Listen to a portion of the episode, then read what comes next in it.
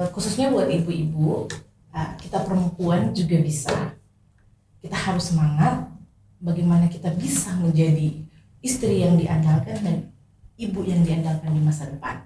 Ketika kita mau mencapai puncak kesuksesan, lakukan perintah Allah, lakukan perintah yang Allah senangi, di mana kita mampu berbagi dan memberi eh, hak zakat anak-anak yang memberi eh, zakat dari dua setengah persen penghasilan kita.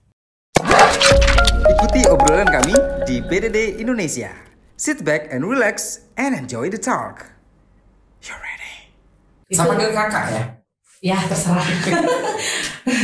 Ya, seorang eh, seorang so- sesosok yang menurut saya pribadi adalah orang yang sangat menginspirasi banyak orang, ya kan? Bisa dikatakan sebagai anak daerah yang ke kota besar berkarir dan justru kembali ke, ke kampung halaman yaitu di kota Palopo. Iya.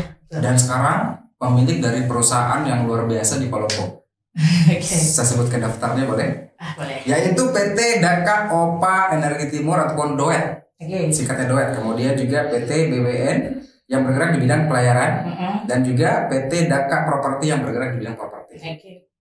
Tiga aja kah? PT Sehat Herbal Syariah. PT Sehat Herbal Herbal Syariah. Syariah dan? PT SPD PT yang memang baru terbentuk. baru terbentuk. Nah, nanti kita kita ceritakan kenapa PT SPD ini baru sebulan ya berdiri. Baru sebulan, Ah. masih seger-segernya berarti. Masih segar-segarnya benar. Ini berarti running company ini bersama dengan sang suami tercinta Oke. bisa mengatur waktu dengan keluarga. Alhamdulillah bisa karena eh, saya dan suami bekerja itu tidak terpisah. Ya betul betul betul. Itu tidak terpisah. Jadi ke mana pun suami saya selalu ada. Jadi saya bisa melakukan tanggung jawab saya sebagai istri, Mhm, baik sebagai ibu mhm. maupun partner bisnis eh, bersama suami seperti itu. Dan anak yang masih kecil masih Anak lucu-lucunya gitu. yang ya. lagi lucu-lucunya. Ya, justru akan di di apa namanya se- secara tidak langsung sudah memberikan gambaran gitu ya. Iya, begini seorang betul. pebisnis. Betul. Wow, ini ini saya berbicara dulu flashback ke belakang dulu ya. 2013 kemarin sebagai karyawan di salah satu perusahaan asuransi di Makassar. Makassar. Betul. Berangkat dari Palopo. Betul. Kemudian ber apa namanya memilih untuk balik lagi ke kampung halaman dan melihat ada peluang besar di Ya sana. jadi begini, eh, awalnya saya menyelesaikan studi, kemudian saya menjadi salah satu manajer eh, di salah satu perusahaan asuransi. Mhm, mhm. Eh, itu kurang lebih berapa tahun ya setahun ya. Mhm. Nah, kemudian saya balik ke Palopo, saya mencoba usaha, saya mencoba usaha, terus mencoba usaha, kemudian saya kembali lagi ke Jakarta untuk jadi karyawan di salah satu perusahaan yang bergerak di bidang eh, minyak ini kan. Eh, saya kerja Bangka, bangker. Jadi saya kerja kurang lebih satu setengah tahun, di Jakarta. iya sebagai karyawan kakak saya sendiri. Oke, oke. Jadi eh, dari situlah kemudian saya balik ke saya mendapatkan ilmunya. Mhm. Jadi saya menjadi karyawan itu eh, bukan terlebih Ke duitnya. ke duitnya bukan, bukan bagaimana saya bisa eh, terima gaji ataupun seperti apa menikmati gaji, tetapi saya memang eh, menjadi karyawan memang mencari ilmunya. Pengalaman dan ilmunya. Mm-mm. Sehingga saya balik ke kampung, Iya. ke kampung ke Palopo kembali, kemudian mendirikan suatu perusahaan yang memang kita katakan modal nekat. Modal nekat berani pada saat itu. Betul. Dan 2017 terbentuklah perusahaan tersebut. Ya, 2016. 2016. Iya. Oke. 2016 yaitu PT Daka Opa Energi Timur. Oke. Ya, dan uh, dari PT Daka Opa Negeri Mhm. Timur inilah ya kita ekspansi ke usaha-usaha lain. sukses luar biasa ya. Ya, kalau untuk sukses sih saya mengartikan sebuah kesuksesan itu bukan seberapa banyak materi yang kita miliki, Oke. seberapa banyak uang yang kita punya, tetapi menurut eh, pribadi saya sukses itu seberapa mampu kita berbagi meskipun kita dalam keadaan kekurangan. Itu Ini yang kesuksesan yang sesungguhnya itu menurut versi dari saya pribadi. ini kutipan yang paling penting sekali buat masyarakat sebenarnya. Karena banyak sekali teman-teman saya terutama ya. Banyak yang beranggapan bahwa sukses itu dilihat dari materi. Ah, kalau saya eh, materi itu bisa bisa juga jadi musibah. Yes. ketika Betul, kita betul, betul. eh, diberikan materi, kemudian eh, kita diberikan, diberikan rezeki dari Allah Subhanahu Wa Taala, Mhm. kemudian kita lupa bahwa semua adalah titipan, sehingga eh, kita eh, apa ya menjadikan eh, materi kita itu di hati bukan di genggaman. Kalau saya beda bersama suami, Mhm. materi itu eh, ada di genggaman sehingga Hmm. kita dengan mudah untuk berbagi karena Berbagi. Eh, proses yang dikatakan kesuksesan itu sebenarnya tidak mudah. Karena banyak yang lebih bekerja keras dibanding saya dan suami. Mungkin ada buruh mungkin ada petani mungkin ada kuli yang memang lebih bekerja keras. Ya mungkin rezekinya di situ-situ saja. Jadi menurut saya rezeki itu kejutan dari Allah Mhm. dengan apa yang kita lakukan sedekah-sedekah yang kita lakukan. Karena saya juga dengan suami itu mengawali jatuh bangun. Tidak Jatuh langsung berhasil bangun. gitu tidak kan? tidak Mhm. jadi em, menjalankan usaha itu di awal kita banyak drama juga ya drama. Jadi memang betul-betul dari titik nol. Lika-liku perjalanan sukses itu tidak gampang. Benar. Tidak segampang yang orang-orang mungkin pikirkan. Benar. Tetapi ada satu poin yang memang eh, saya tidak pelit untuk memberikan eh, informasi kepada teman-teman ataupun siapa atau saudara bahwa eh, kita meraih suatu rezeki berlimpah itu ada rumus. Rumusnya adalah Rumusnya adalah ini harus dibagi nih. satu liter beras. Rumusnya satu liter beras. Iya. Nah kalau saya sendiri nggak punya beras nih, apa? Ini secara harfiah atau apa nih? Jadi menurut saya dari satu liter beras, Hah? eh, saya mengawali usaha dengan suami saya dengan bermula dari satu liter beras. Niat saya, saya punya kemampuan saya dan suami satu liter beras. Di bulan pertama saya membawa satu liter beras ke anak-anak yatim piatu. Wow. Sehingga di bulan kedua Allah buka rezeki saya Hmm, saya bisa mem- saya bisa membawa 2 liter beras. Kemudian di bulan-bulan berikutnya saya bisa membawa lebih. Dan alhamdulillah Allah buka rezeki saya di saat ini ya. Saya saya bukan bilang saya sukses tetapi saya eh, merasa sudah bermanfaat buat orang lain. Itu intinya. sukses itu sa- sampai saat ini mungkin eh, bisa dikatakan bahwa tergantung bukan tergantung sih maksudnya adalah ya kita berani berbagi kepada orang jangan tunggu kaya untuk berbagi Betul ya. karena sekali lagi sukses tidak dilihat dari materi itu menurut eh, Menurut saya pribadi kalau kan? ya kalau kesuksesan itu bukan seberapa banyak uang kita Mhm. miliki, seberapa banyak materi yang kita punya, tetapi kesuksesan itu seberapa mampu kita berbagi meskipun kondisi kita masih kekurangan. berarti pada saat sekarang ini kalau misalnya orang mengatakan bahwa Putri Daka ini adalah se- seseorang yang sangat inspiratif yang juga suksesnya luar biasa itu merupakan bonus gitu ya dari masyarakat Ya, itu sebenarnya bonus. ya Tet- Tetapi tanggung jawab kita di posisi ini itu sebenarnya lebih besar lagi. Apakah kita bisa eh, dengan hak dengan rezeki yang kita punya, apakah itu jadi musibah ataupun jadi berkah? berarti rezeki itu adalah amanah Eh, betul. Ada dua hak dua setengah persen. wow Ada hak yang memang sud- eh, di dalam Al-Quran itu sudah disebutkan bahwa ada hak anak-anak yatim piatu, kaum duafa dan fakir miskin dua setengah persen. Nah itulah eh, tahapan-tahapan yang saya lalui yang memang eh, saya percaya janji Allah itu nyata sehingga saya melaksanakan dan menjadi kejutan saya di masa sekarang. Saya bisa tarik satu kesimpulan bahwa sebenarnya yang sukses ini bukan hanya seorang putri Daka saja, tapi keluarga besar, terutama sang suami juga tercinta yang selalu mendampingi sama satu sama lain gitu kan. Betul. Jadi saya ada tiga eh, poin Mhm. untuk menjalankan bisnis itu sebenarnya bukan seberapa keras kita bekerja. Hmm. Tapi yang pertama ya ibadah. Hmm. Kita minta doa kepada Maha eh, Sang Pencipta. Hmm. Kemudian kedua ke orang tua kita. Ya kita perlakukan orang tua kita dengan baik. Hmm. Ya utamanya bagaimana di hari tua orang tua kita pundak kita ada buat orang tua kita sehingga apa yang kita raih bisa menjadi penopang di masa tua orang tua kita. Kemudian yang ketiga, kita melakukan tanggung jawab kita hasil dari setiap rezeki kita itu ada hak. Kalau boleh tahu, oh Kak Putri sudah ada berapa bersaudara? Saya ada tiga Anak ke terakhir. terakhir. Di keluarga eh, dulu waktu kecil kita berbicara masalah kita flashback ke belakang ya. Kita berbicara masalah. Saya nangis dulu apa-apa. berbicara masalah orang tuh. Iya, karena memang itu sangat menyentuh. Iya. Kita tidak mungkin akan ada di dunia kalau tidak ada Betul. orang tua yang kita miliki yang luar biasa. Betul. Ya, tapi saya pengen berbicara masalah orang tua. Hmm. Ketika kecil dulu ada nggak kenangan yang tidak bisa dilupakan dengan keluarga, dengan orang tua maksud saya. Yang pertama itu eh, makan makan bersama Mhm. makan malam bersama karena memang kedua orang tua saya itu memang mengajarkan kita bagaimana hidup sederhana. Iya. Ya, kemudian sholat berjamaah. Ya, saya juga dulu terbentuk dari anak yang keras kepala juga. Yang keras kepala, membantah orang tua. Kemudian ya, ya kita kan namanya melalui apa ya fase namanya labil-labil ya. Hmm, betul betul betul. Jadi ya, masa itu pasti ya, silakan. Nah, dan di suatu ketika sempat ada perdebatan dengan ayah saya, Mhm. di mana memang beliau marah.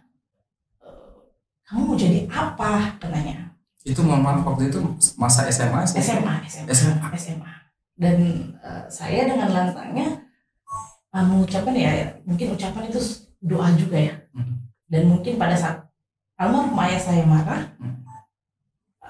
Almarhum ayah saya marah, mungkin pada saat saya membalas kata-katanya, mungkin almarhum dalam keadaan marah dan mendoakan saya. Jadi saya bilang, kamu mau jadi apa nantinya kalau semua semua kamu eh, susah diatur gitu kan? Hmm. Saya cuma satu yang saya katakan sama almarhum ayah saya bahwa eh, suatu saat saya akan jadi anak kebanggaan ayah. Walaupun pada saat itu belum tahu mau jadi apa pada saat. Betul. Dan alhamdulillah saat ini satu orang memuji almarhum ayah saya bahwa berhasil orang tua mendidik sangat saya sehingga itu menjadi suatu kebanggaan buat saya bahwa saya sudah berhasil membuat orang tua saya. Almarhum ayah yang sangat dikenal juga pada saat itu Betul. selama hidup beliau Betul. yang dikenal sebagai ya Ya, kita tahu posisi beliau pada saat itu di kepolisian. Iya betul. Karena alm- almarhum ayah saya eh, pernah berpesan bahwa kita tinggalkan dunia ini itu cuma dua nama, nama baik atau nama buruk. Kita mau bawa ke mana arahnya tergantung pribadi kita. Ya, itulah yang kewejangan yang saya tidak bisa melupakan sehingga hari ini saya membuktikan kepada kedua orang tua saya bahwa eh, di hari tua orang tua saya saya ada buat pundak mereka kemudian meskipun orang tua saya sudah meninggal salah satunya ya almarhum ayah saya sudah mendahului saya bisa apa, eh, kan apa, ketika orang eh, orang sudah meninggal itu memang kan untuk mencari pahala sendiri itu sudah tidak bisa. Sudah terputus. Saya sebagai anak menyambung silaturahmi. Pertama kemudian kedua saya mencari pahala dari almarhum ayah saya sehingga saya banyak melakukan kegiatan-kegiatan sosial itu memang yang utama tidak terlalu Ya, kalau kita berbicara masalah orang tua ini adalah hal yang sangat sensitif tentunya. Yang saya pengen tanya satu pertanyaan mengenai ayah almarhum ayah. Ya.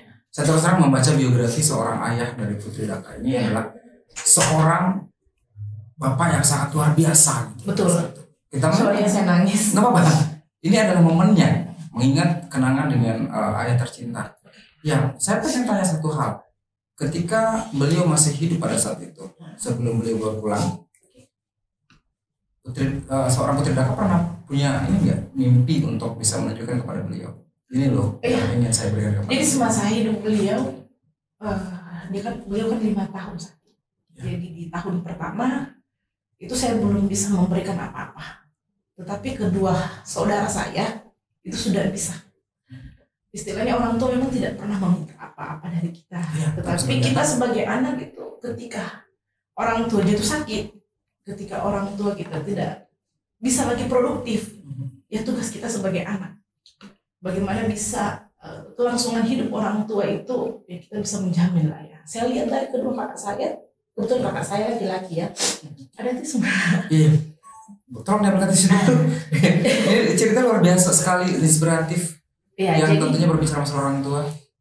Mhm. jadi ketika eh, orang tua saya sakit satu tahun itu saya lihat saya tidak mampu untuk eh, memberikan Pada saat itu. pada saat itu sehingga itulah menjadi motivasi saya untuk bekerja keras untuk bekerja keras untuk bekerja keras bagaimana saya bisa membuktikan kepada orang membuktikan tua. kepada orang tua saya jadi alhamdulillah eh, saya mengawali dari usaha-usaha kecil sebelum ada perusahaannya saya mengawali dari usaha-usaha kecil dan saya memperlihatkan bahwa eh,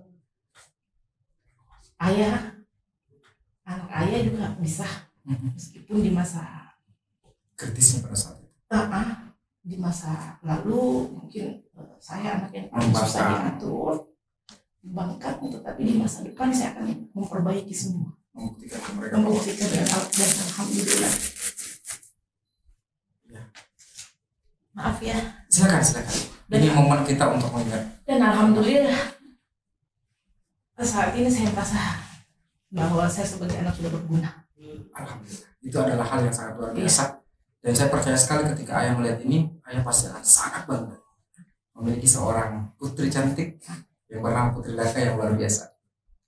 Dengan wow, ini tidak gampang mengurus uh, perusahaan sebanyak itu Ya. dan juga mengatur waktu dengan keluarga dan karyawan tentunya tidak sedikit. Iya. kan? Walaupun dibantu oleh sang suami tercinta yang luar biasa juga, tapi sekali lagi bahwa ini perusahaan bukan satu dua, tapi Iya. ada lima perusahaan yang di- dijalankan secara bersamaan. Jadi eh, saya dan suami itu kompak, Ya. kerjasama yang baik. Jadi di manajemen itu suami mengatur segala manajemen. Mhm. Nah, ibarat kata ya kita jemput kerjaan, kerjaan ada, suami yang olah. Hasil ke istri dong. ini ini saya pengen eh, kita pengen eh, saya pengen membahas masalah karena kita sudah membahas masalah eh, hubungan dengan sang suami pada saat bekerja. Ya. Tapi saya penasaran ini kapan ketemu dengan sang suami tercinta? Jadi saya dengan Pertama kali. saya dengan suami dari kuliah sebenarnya pacaran. Oh dari kuliah sudah pacaran? Ya, terus putus.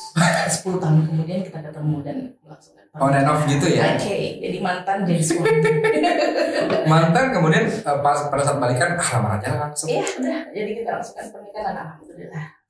Sudah dikaruniai satu anak. Ya eh, menikah pada saat itu dan akhirnya eh, ada beberapa perusahaan yang akhirnya dibentuk karena atas nama sang suami dan nama sang istri. Eh, ya.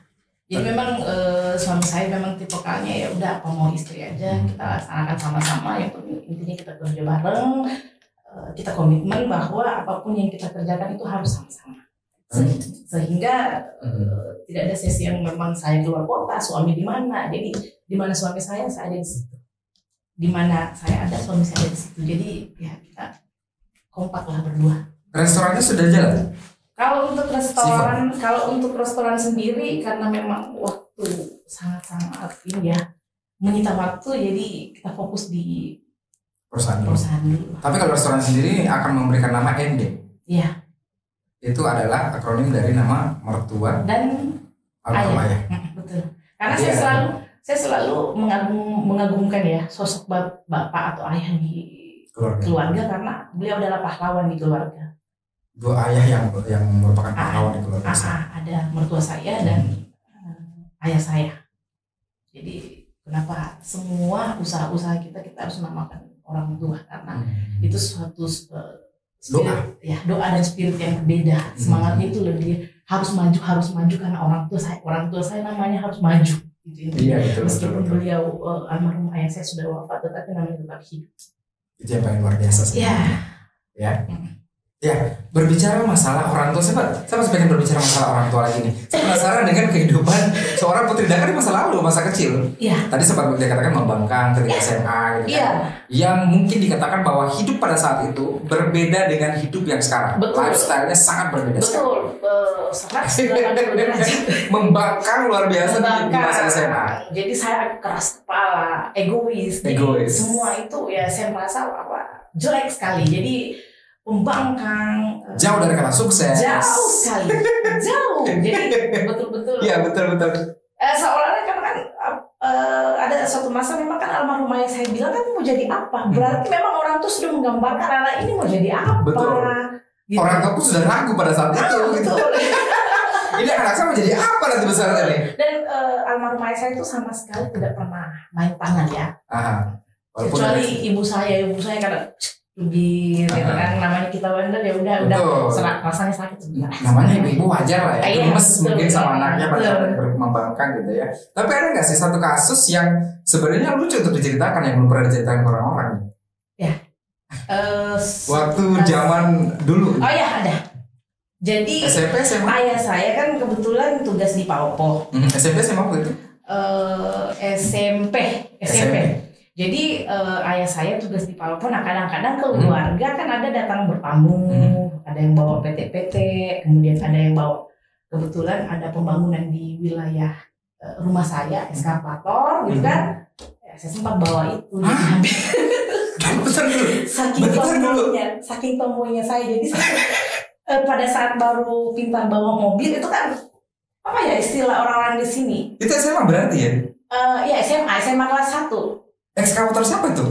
eskavator orang kerja ada kontraktor Bukan punya bukan punya bapak, bukan punya keluarga. bukan jadi parkir di depan rumah itu hal yang itu yang hal yang paling menurut saya aduh Paling memalukan, paling paling memalukan. diingat gitu ya. betul jadi eskavator itu saya bawa mungkin ada jarak berapa meter lah kemudian ayah saya teriak-teriak "Eh, Itu siang. eh, siang Oh, jadi tukangnya mungkin eh, kontraktornya ini mungkin lagi makan siang. Oh my god. Serius? Iya. Jadi saya bawa eskavator itu Mau saya kan ini kan lorong saya ini kan muter kan. Iya, iya, Jadi iya. saya bawa terus itu udah ayah saya teriak, wah, wah, hancur kan bisa aja bangunan Betul. salah tinggi saja kita. Rumah bisa rata dengan tanah kalau Aduh. begitu.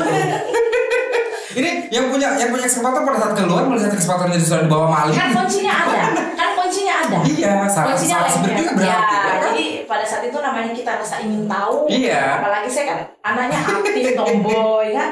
Nah, itu Wow. itu satu. Kemudian kedua eh, keluarga eh, ibu saya Mhm. datang bertamu kan, Mhm. datang bertamu PT-PT kan, Ah, ah, mobilnya ah. PT-PT, kemudian eh, ada kuncinya lagi. begitu saya lihat, begitu saya lihat parkir, Dibawa lagi. saya bawa lari lagi. Jadi pada saat itu eh, mendekati 17 Agustus sehingga eh, saya kan pemimpin gerak jalan. Heeh. Kebetulan di sekolah kan kita sudah atur waktu untuk eh, SMP. Mhm. Kebetulan kita atur waktu untuk eh, latihan. Latihan gerak jalan. Jadi saya jemput semua teman naik PT-PT keliling Tanpa ta- tanpa sepengetahuan yang punya PT-PT. Nah, karena dia lagi cerita sama ayah saya di ruangan, di ruang tamu kan. Mhm. Nah, sehingga salah satu anggota lantas mungkin telepon bapak saya, ayah saya. Ada PT-PT yang melintas, jangan-jangan itu putri ya, sudah putri lagi. Jadi itulah. Sebuah semembangkan Ah. ya ternyata ya Anda ya pada saat Hmm, dulu ya. Betul. Ya ini tidak untuk ditiru. Jangan untuk ditiru ya, karena memang itu eh, apa ya? Itu adalah sebuah cerita yang harus dibungkus sebenarnya. Sebuah pengalaman yang di- dikatakan bahwa mungkin pengalaman itu yang membuat uh, seorang putri drakanya akhirnya berpikir panjang untuk, Iya, untuk tetap membangkang gitu kan. Akhirnya sekarang Mm-mm, menjadi seseorang yang sangat luar biasa. Betul. Tapi ini cerita unik nih, cerita lucu di masa lalu nih. Hmm. Saya pengen balik lagi ke situ kalau begitu. itu bagaimana rasanya pada saat mengendarai PT-PT? Ih, PT-PT Senang. FYI ini angkot ya namanya Iya. kalau Makassar kita sebutnya Ya, PT-PT. jadi saya senang aja keliling-keliling. Jadi saya jemput semua teman eh, anggota saya, yang- apa anggota, Teman-teman gerak jalan. jalan. Hmm. Jadi adik kelas apa naik naik semua naik naik. Mereka senang dong. Ya aku senang. Mereka ngomong apa saat di, di dalam PT-PT itu? Pukul-pukul aja PT-PT-nya maju. Acur. maju maju jadi ya happy lah kita kan namanya masih anak-anak, masih labil, belum Betul. pikir panjang. Rasa ingin tahu yang begitu besar sekali gitu kan. Apalagi Sehingga- pada saat itu baru bisa belajar Jadi yang Mengendarai. kan ayah saya juga, saya banyak sih kejadian-kejadian lucu di masa di masa masa-masa labil. labil. Jadi eh, ayah saya punya ikan, ikan lohan ya. Kalau Oke. saya minta uang dulu itu, Mhm. saya ngancam. Iya. Saya ngancam. Jadi saya ngancam itu. Ikannya itu kan ada ini ya, ada tapisannya itu ya. Mhm. Saya angkat gini, mau nggak kasih? Ikannya nggak pernah pas nggak ngapa. Mhm. Kasih duit, kasih duit. Ayah saya kan sayang ikan, jangan, jangan, jangan kamu kasih, coba tenang. Baru saya lepasin ikannya berenang lagi. Iya. Saya kalau jadi ayah seorang putri Daka pasti sangat emosi banget pada saat itu Tapi ya. memang dasar anak Bapak luar biasa Iya. sabar sabar. dan penyayang paling penting. Betul. Jadi ayah saya itu betul-betul penyayang. Mungkin kalau saya sebagai seorang ayah pada saat posisi itu ya mungkin sudah geram ya melihat anaknya yang luar biasa bandelnya pada saat itu. Betul. Tapi karena sayangnya luar biasa, cintanya luar biasa, dan juga pengen melihat anaknya berubah dan sekarang kan berubah drastis. Iya, berubah drastis 180 derajat. Ini kira-kira anaknya nakal juga gak sih sekarang ini? Aduh, ya itulah. Turun dari ibu jangan-jangan ini. Waduh, aktif. Aktif. Aktif sekali. Jadi ya, ya saya sudah apa ya, saya sudah mengalami ya sudahlah. Hmm. Memang eh, momen anak-anak itu tidak akan kembali jadi biarkan, Biarkan berekspresi. Biarkan dia belajar dari pengalaman-pengalaman yang betul karena saya melihat almarhum ayah saya tidak pernah marah sih marah ya Mhm. tetapi tidak pernah mematahkan bahwa eh, menyalahkan ataupun marah dalam eh, kita dipukul atau seperti apa enggak jadi Oke. memberikan kebebasan berekspresi sehingga ya mungkin banyak pelajaran yang kita ambil dari eh, setiap perjalanan kehidupan Dari segi pekerjaan sekarang bisa dikatakan sebagai seseorang yang sukses, bisa dibilang seperti itu. Dan sekarang ini sedekah tidak pernah berhenti tanpa putus sampai saat ini. alhamdulillah Dan sekarang ini ada kebiasaan di sosial media ya, berbagi hadiah atau Iya. giveaway. Ya. Jadi sebenarnya saya lakukan itu di tahun 2016 akhir. 2016 akhir. Nah, jadi eh, ketika saya eh, dengan suami satu persepsi bahwa kita komitmen tidak boleh ada kerja ataupun tidak ada lagi yang nongkrong karena sudah puas masa remajanya. Jadi betul-betul kita fokuskan kerja dan keluarga. Hmm. Sehingga saya kan tipikalnya orang yang seru, suka suka apa ya Heboh-hebohan, heboh-hebohan gitu ya ya. kan Eh, sehingga se- apa Facebook saya ini saya gunakan jadi tempat seru-seruan. Jadi ketika saya pulang bekerja ataupun sudah menyelesaikan sesuatu, Mhm. Saya live dan membagi hadiah, membagi ini karena kan itulah dari setiap perjalanan yang saya eh, saya lakukan itu memang eh, saya meminta rezeki kepada Allah itu dengan cara berbagi sehingga kembali berkali lipat. Tidak takut di diciplak atau dikatakan sebagai eh, orang yang ria oleh masyarakat Nah, saya nggak- netizen biasanya. ya itu kan memang pasti pro dan kontra pasti Yes. ada di Dia awal-awal. pamer banget ya. Jadi di awal di awal-awal itu memang ada. Ada yang bagus. Hujatan ada. banyak ya. banyak bagi pencibir. Jadi saya menanggap bahwa Anda tidak bahagia Pernah emosi nggak dengan itu? Di awal-awal ya. Karena kaget aja mungkin. Ya, karena apa yang saya lakukan menurut saya baik, Niatnya baik, niatnya baik, tetapi orang-orang pada salah perspektif. Ah, sehingga di masa sekarang ya terbalik. Orang-orang yang mencibir itu membuat kegiatan yang sama. Oh gitu. Iya. Jadi saya tipe kali gini, eh, mungkin saya sudah melewati fase dicibir, dihujat. Artinya dihujat juga dengan orang-orang yang memang eh, mungkin yang tidak suka dengan saya ataupun seperti apa. Dan sekarang saya sudah di fase bahwa bodo amat. Tenanglah. Karena menurut saya pribadi ketika kita berbuat baik, Betul. orang yang tidak menyukai kita dari dulu sampai sekarang, Hmm. orang yang tidak suka kita adalah kita selalu negatif di mata mereka. Betul. Apa pun kebaikan yang kita lakukan selalu menjadi tidak baik. Yes betul di mata Nah, mereka. jadi sebenarnya eh, saya melakukan hal baik, kemudian orang berbicara buruk bukan kesalahan pada saya, Hmm. tapi kesalahan pada mulut orang. Yes. Jadi Wow. aja.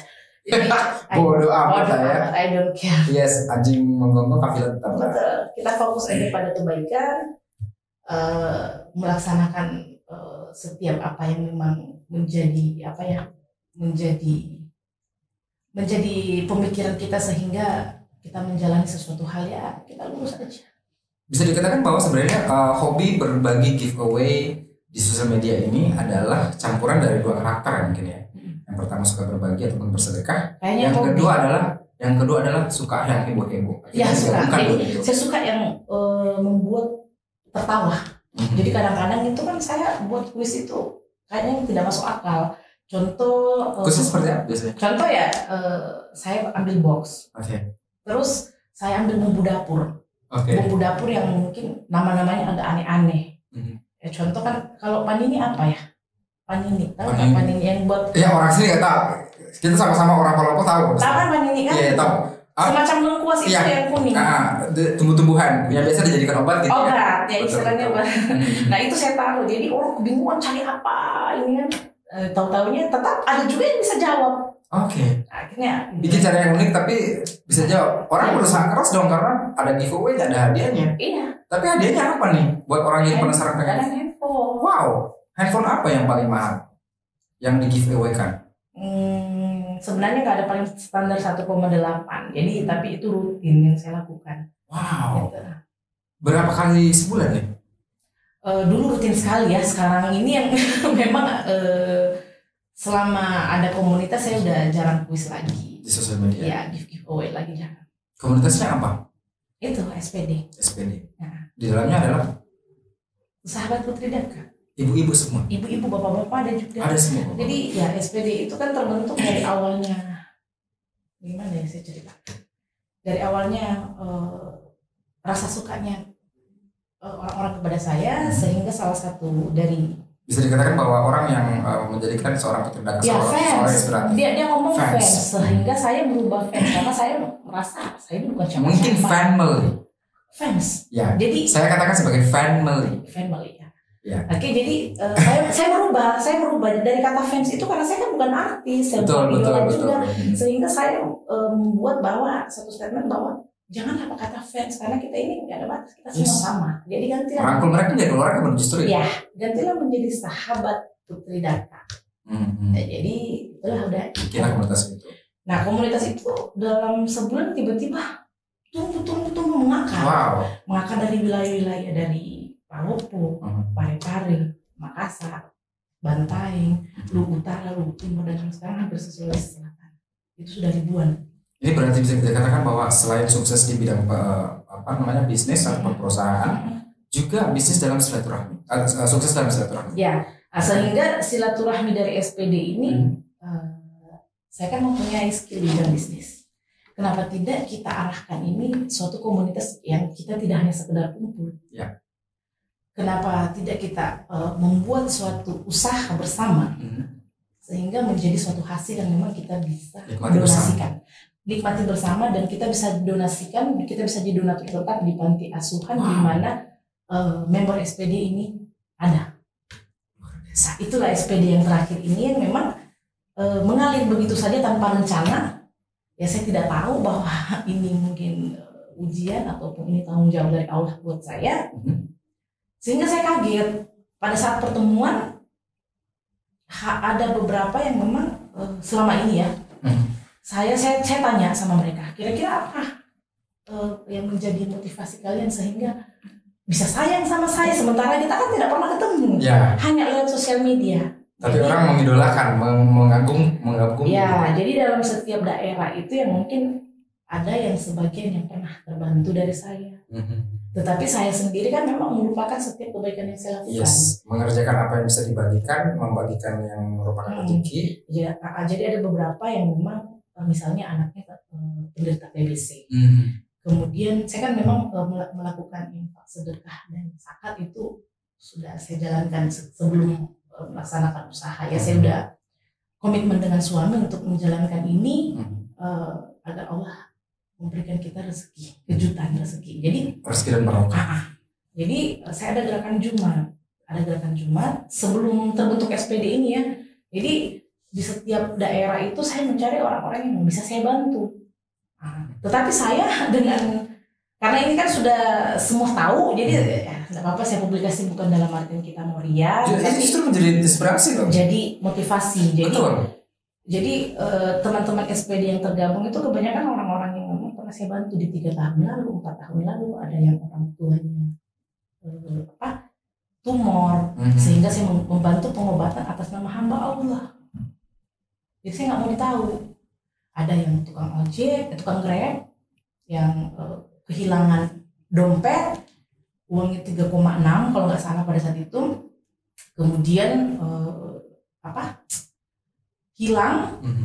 terus dia buat status. Jadi kan sosial media jangan dijadikan ajang ini kita juga cari ajang ah kira-kira untuk cari pahalanya sosial media Hmm, seperti apa jadi saya cari sih? ya, nah, saya cari jadi kemudian saya dapat ya kebetulan dia kehilangan uang 3,6 motor itu motornya mertuanya dia pakai kerja selama sebulan untuk beli kambing Mhm. untuk kaki ke anaknya dan hilang Wow. sehingga saya lihat beritanya saya telepon lah saya kan selalu cari berita-berita begitu saya Hmm. telepon saya mengatasnamakan hamba Allah saya ingin membantu tetapi pola saya kan sering juga kena nih kan ada Hmm.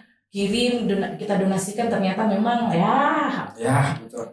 ya seperti itu. Jadi eh, saya minta KTP saya minta eh, kartu keluarganya sehingga dia kasih nama rekening bukan namanya sehingga saya bilang saya nggak mau cari kartu keluarga. Akhirnya dia kirim kartu keluarga saya kirim lah atas nama hamba Allah. Jadi rata-rata saya membantu begitu atas nama hamba Allah. Dan saya tidak tahu pecahnya di SPD ini. Ternyata dari setiap wilayah itu dari mulut ke mulut ya dari mulut ke mulut bahwa eh, saya ini saya ini saya ini akhirnya tiba-tiba jadi ribuan komunitas sehingga Wow. saya hadir di tengah-tengah mereka yang memang mungkin sudah tidak asing karena itulah dari mutasi rekening nama saya kelihatan Iya. Itu. Menggunakan atas nama hamba Allah tapi di rekening juga akan terlihat. Iya, jadi eh, satu ketika ketika SPD ini terbentuk sudah banyak yang WA. Eh, WA bahwa saya pernah dibantu ibu tiga tahun yang lalu, saya saya lupa, gitu kan saya lupa, saya dibantu ibu pengobatan anak saya, kalau nggak salah kena tumor ya, Hmm. anak saya, saya lupa dan begitu saya silaturahmi ya antusias dari sahabat-sahabat di wilayah itu sudah betul-betul dekat. Dan aduh saya tidak bisa membayangkan kata-kata jadi ya seperti itu. Pernah kepikiran nggak untuk mem- membuat semacam reality show ataupun uh, punya sebuah kanal YouTube sudah ada, ada ada ada Tapi yang memang memang fokus kepada uh, berbagi sedekah. Bu- Eh. tujuannya bukan untuk ria sekali lagi ya, jadi gini tapi motivasi. Ah, jadi gini kalau untuk eh, saya ada melaksanakan beberapa kegiatan sosial, Hmm. tapi ada yang bisa dipublikasi, ada yang tidak. Kok ada beberapa yang tidak? Ada. Kalau masjid-masjid itu kan kegiatan rutin Jumat itu saya nggak mau dipublikasi. biasa. Jadi menurut saya bantuan-bantuan untuk masjid-masjid yang baru dibangun nah, itu saya tidak mau dipublikasi karena ya cukup Allah penerima dan saya yang tahu. Dan saya ada tim di SPD sekarang untuk humasnya ya. Untuk humasnya dari tim Iya Sales. ada humas. Nah kemudian untuk sedekah nah, itu eh, saya tidak apa-apa untuk dipublikasi biar yang penerima dan orang-orang yang mau ikut berdonasi juga dan mau Ya. eh, apa termotivasi untuk membantu kita sudah ada eh, Menjadi motivasi justru gitu ya kepada orang-orang juga. Ayo kita berbagi sama-sama kepada orang yang membutuhkan. betul Lebih ke situ mungkin betul ya. ya. Jadi dari hal-hal sederhana itu kemudian terbentuklah eh, SPD ini sehingga saya juga tidak mau hadir di sahabat-sahabat saya saat ini di seluruh Indonesia ya karena memang terbentuk di seluruh Indonesia jadi eh, khususnya eh, buat SPD saya tidak mau hadir hanya sekedar hadir mereka saya kemudian kita saling pelukan foto selfie selesai Udah. saya nggak mau nggak mau seperti Udah. itu jadi saya membentuk SPD perusahaan jadi ada, ada perusahaan. Ya, jadi dari SPD ini saya termotivasi bagaimana caranya eh, ibu-ibu yang tadinya tidak produktif Mhm. ataupun tidak mempunyai usaha, ya PT SPD ini bisa modal. Jadi apa yang ibu mau buat, contohnya misalnya di bidang kuliner, Oke. ibu ini jago buat kue Mhm. atau kue yang tidak mudah basi, Mhm. sehingga menjadi suatu produk yang dibeli langsung dari PT SPD sendiri. Tetapi yang dijual nanti komunitas sendiri. Komunitasnya. Jadi sudah untung saat jual ke perusahaan, di- dilempar ke komunitas juga mereka jualan sudah ada keuntungan. Betul. Nah itu. Jadi ada beberapa divisi di. Sistem memang yang sangat luar biasa gitu ya. Iya, Saya boleh ngomong ke viewers dulu di rumah. boleh. Ini saya pengen sampaikan ke viewers bahwa sebenarnya salah satu kunci kesuksesan itu adalah bersedekah, berbagi kepada orang. Dan jangan menunggu punya materi yang banyak, bergelimangan harta baru bisa berbagi gitu kan. Betul. Karena pada saat Anda tidak punya dan berbagi pun itu sudah sangat luar biasa sekali justru. Contoh, Mark Zuckerberg, kemudian saya sebutkan lagi beberapa orang sukses maka pernah menjadi orang terkaya di dunia nomor satu, yaitu Bill Gates, the Microsoft founder. Dia itu sangat sangat sangat rajin berbagi. Hmm. Dan di depan saya sekarang adalah seseorang yang sangat luar biasa juga sukses, yaitu seorang putri Dhaka yang ternyata salah satu kunci utama suksesnya adalah berbagi. Berbagi. Ya, walaupun banyak yang mungkin berkata bahwa ini ria, tapi niat baik kita tidak Iya. di situ, gitu kan? Niat baik kita memang justru pure berbagi. Betul. Pure berbagi yang memang ya eh, tergantung orang berpersepsi apa. Yang jelasnya niat kita sudah niat berbagi ya sudah berbagi. Kalau untuk eh, ria itu jauh lah. Ya. Karena, karena menurut saya ya ngapain kita repot-repot berpahala hanya untuk mencari pengakuan. Betul sekali. Karena kalau menurut saya saya tidak butuh pengakuan yang saya butuhkan eh, bagaimana caranya saya berpahala dan eh, bersedekah dan mendapat pahala dari Allah Subhanahu Wa Taala sehingga bisa jadi menjadi ah saya dan untuk saya di akhirat nanti. Saya pernah membaca satu kutipan. Ya. Seorang putri Dhaka beranggapan bahwa sedekah cukup putri Dhaka, sang suami dan Tuhan yang tahu. Itu ya memang ada ada alokasi sedekah betul. Itu ada, ada itu memang ada alokasi sedekah yang memang eh, sakat sakat itu memang saya tidak mau dipublikasi infak nggak mau dipublikasi kalau sedekah atau bantuan donasi ke orang-orang yang membutuhkan terkadang ya saya ada di publikasi ada juga tidak. Jadi apa yang saya raih hari ini bersama suami itu prosesnya adalah apa yang saya lakukan di masa lalu jadi eh, bukan karena seberapa keras saya bekerja bersama suami tetapi memang takdir Allah dan kejutan Allah sudah beri atas apa yang saya lakukan bersama suami. Saya pengen Kak Putri ini berbicara ataupun bercerita mengeluarkan eh, isi hatinya Nah, di depan kamera di ya. podcast kita Ya. tentang sang suami tercinta. Waduh. Jangan dijawab dulu. Saya pengen menga- mengajak dulu bermain games nih. Oke. Ya kan? Karena kayaknya sayang banget dari apa Lopo jauh-jauh ke sini gitu kan. Kalau tidak bermain games kayaknya kurang ya. Iya. Saya pengen mengajak bermain games. Games kita itu adalah uh, menjawab pertanyaan saya dengan cepat. Saya akan memberikan dua, dua, memberikan dua pilihan Oke. dan langsung dipilih antara dua pilihan tersebut dan harus memilih. Oke. Ya, you ready? Mulai. Oke, yang pertama adalah pilih ketika liburan, pilih negara di Eropa atau di Asia. harus memilih Asia. Asia. Oke, nggak usah, nggak suka negara bagian Eropa. Atau karena belum meng- eh, apa namanya belum mendatangi semua negara di Asia. Ah, jadi begini, sebenarnya pengen sekali, tetapi kan saya fobia naik pesawat. Oh ya, satu fakta terkuat dari seorang putri Jadi mancing nih, host. ya, mancing. Ternyata takut naik pesawat. mancing, iya. Jadi saya itu selalu batal, batal, batal tiket. Karena Eh, ketika saya, datang. ya, ketika saya ke bandara bersama suami atau bersama orang-orang yang ikut sama kita, kemudian saya lihat ke awan, tiba-tiba mendung, batal pulang. Itu baru mendung gimana hujan ya. Takut. Saya pernah bu waktu itu MC di Jakarta Pas berangkat hujan pulang pun juga tetap hujan Dan itu subuh pula gelap-gelap hujan tiba-tiba depan kanan kiri saya sudah Ya. Orang sudah baca-baca gitu kan Takut Jadi suami saya bilang apa? Aku kan begini begini. Ya cuman yang namanya kita ya, ya masing-masing orang punya kekurangan. Nah itu kekurangan saya memang takut. Saya berarti kalau sebut nanyakan pertanyaan berikutnya ya Pertanyaan berikutnya saya adalah negara Prancis atau, eh, atau Itali Sama-sama naik pesawat jadi nggak usah Iya, ditanyakan nggak usah. Nanti kalau udah dari sana silakan nanti undang lagi ya. Ini mancing sebenarnya dulu lagi Iya, tapi kalau ke Jeddah atau eh, saya ke Mekah itu saya berani. Tetapi minum obat tidurnya itu sampai berkali-kali bangun, ancam bangun, Yes bobok lagi. Demi ibadah gitu Iya, tetapi kalau untuk yang lain-lain memang entah kenapa. Eh ngapain naik pesawat liburan gitu Iya, kan mm-mm. Ya kan untuk liburan naik pesawat lewatin fobia Ya, segala macam ya. ini nggak Jadi usah. mungkin salah satu Allah memberi saya ketak, apa eh, rasa eh, ketakutan sehingga alokasi Dan apa yang saya ini dananya bisa ke hal yang lebih yang positif lebih positif. Oke, bermanfaat untuk banyak orang untuk untuk diri sendiri. kan? Selanjutnya adalah anak jadi pengusaha atau di bidang entertainment. Pengusaha. Pengusaha, nggak mau anak jadi entertainment, Enggak. nggak mau anaknya dikenal di mana-mana. Eh, saya rasa kalau udah jadi pengusaha nanti pasti juga dikenal di mana-mana. Tapi nggak selebar dengan uh, Jadi entertainment. entertainment benar. Artis maksud saya, nggak. Tetap jadi pengusaha. Ya tergantung nanti anaknya memilih ke mana. Tetapi saya eh, membentuk dan suami bagaimana Jadi saya bisa pengusaha. jadi pengusaha nanti untuk menguruskan usaha-usaha kita yang sudah ada. Oke, Oke, pertanyaan saya selanjutnya adalah jadi pengusaha atau jadi politisi? Pengusaha, Tetap di pengusaha. pengusaha. Saya nggak bakal di politik. Nggak bakat. Kalau anaknya punya bakat, akan didukung. akan didukung lah terserah anak saya nantinya tetapi kalau untuk politik saya ya kita jadi masyarakat aja Pertanyaan berikutnya adalah sinetron atau drama Korea. waduh drama Korea saya nggak pernah nonton Oh berarti lebih suka sinetron. sinetron Sinetron aja. Hmm. Sinetron yang ku menangis. yang berikutnya adalah lagu luar negeri atau dalam negeri. dalam negeri dong Lagu apa yang paling sering didengarkan?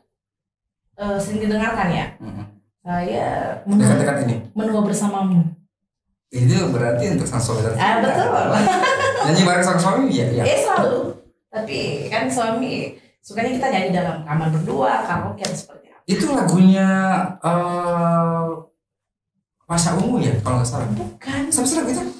Menua bersamamu. Triswaka ya bukan Itu lagunya kayak gimana? Triswaka menua bersamamu Seperti apa lagunya liriknya? Eh, jelasnya di judulnya ya. Untuk lagunya itu Saya penasaran sebenarnya. Itu lagunya kayak gimana? gimana ya lagunya itu? Loh. saya saya lupa tetapi lagunya itu saya sangat suka judulnya. Cuma kalau udah ada yang nyanyiin pasti saya ingat. Coba dibantu. Lagunya gimana tuh? Menua bersamamu ada yang tahu? Menua bersamamu lagunya seperti apa? Cinta kita memang tidak semudah yang dibayangkan. Dulu kita pernah menyakiti dan hampir menyerah. Tapi kini kita ada untuk saling menyempurnakan. Itu ah. Wow, tangan sini dong. Wajib tangan sini. Ini wajar kalau punya fans sampai ribuan Waduh. di Indonesia.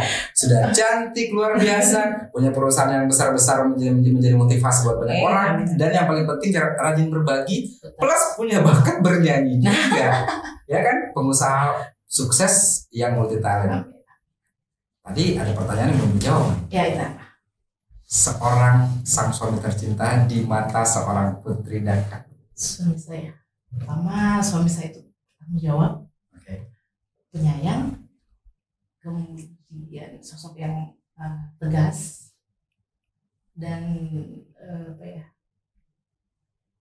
Pokoknya tidak bisa digambarkan dengan kata-kata.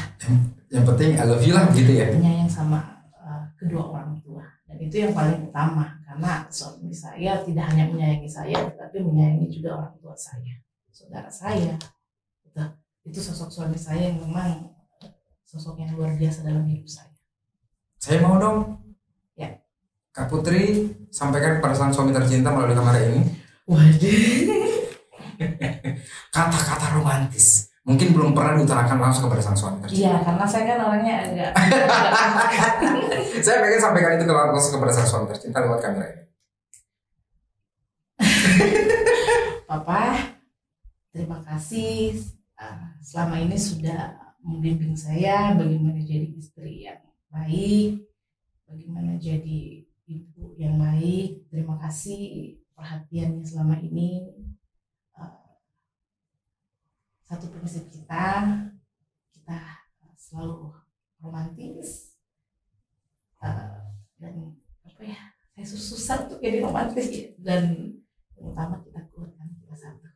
Terakhir bilang dong I love you. I love you. Papa. Oh, jadi pengen nikah. Oke, baik. Terima kasih banyak sudah hadir. Oke. Luar biasa inspirasi yang dibagikan pada hari ini dan Iya. saya pengen terakhir kita closing statementnya Kak Putri Daka menyampaikan inspirasi kepada seluruh orang-orang di luar sana, bukan hanya kepada teman-teman dari ataupun sahabat-sahabat Putri Daka, tapi saya pengen juga em, seorang Putri Daka, seorang seseorang yang sangat inspiratif memberikan inspirasi kepada masyarakat di Indonesia terutama kepada ibu-ibu untuk tidak eh, ataupun untuk tetap produktif di era zaman sekarang. Silakan. Eh, khususnya buat ibu-ibu, eh, kita perempuan juga bisa. Kita harus semangat bagaimana kita bisa menjadi istri yang diandalkan dan ibu yang diandalkan di masa depan. Yang utamanya kita harus mempunyai satu semangat. Kemudian yang kedua, buat seluruh eh, masyarakat yang ada di Indonesia, percaya rezeki itu kejutan dari dari sedekah yang kita lakukan. Jadi kesuksesan ketika kita mau mencapai puncak kesuksesan lakukan perintah Allah lakukan perintah yang Allah senangi di mana kita mampu berbagi dan memberi uh, hak zakat anak-anak yang eh, memberi uh, zakat dari dua setengah persen penghasilan kita. Itu dia uh, yang saya bisa bagikan. Jadi kesuksesan itu jangan kita uh, melihat dari seberapa banyak uang yang kita miliki seberapa banyak materi yang kita punya, tapi kesuksesan itu seberapa mampu kita berbagi meskipun kita dalam kondisi kekurangan. Wow. Inspirasi yang sangat luar biasa sekali yang bisa dibagikan pada hari ini. Ya. Sekali lagi teman-teman di rumah ataupun viewers BDD bahwa sukses itu diukur dari seberapa banyak kita berbagi kepada orang, seberapa mampu kita berbagi kepada Ya. orang. Hmm. Karena sekali lagi rezeki yang diberikan kepada kita dari Tuhan adalah titipan yang di mana 2,5 persennya itu adalah hak orang ya. Jadi ya itulah eh, untuk eh, rezeki di masa depan insya Allah kan berlipat-lipat dan ketika kita melaksanakan kewajiban kita. Thanks for coming dan saya doakan semoga Kak Putri Daka dan sang suami tercinta, keluarga tercinta dan semua tim semuanya sehat selalu. Amin. Yang paling penting karena kegiatan kita tidak akan ada gunanya ketika kita sakit. Betul. Ya, semoga sehat terus. Kesehatan. Ya, dan ibadah lancar terus, rezeki makin makin banyak, ya kan dan berbagi juga tetap lancar. Amin, amin, amin ya Allah. Thank you. Ya, ya saya mau jangan lupa Silakan. Jangan lupa subscribe Putri Daka Channel, like dan komen. Terima kasih. Ya, luar biasa. Oke. Terima kasih banyak dan BD Indonesia, inspirasi itu kan dan sampai jumpa.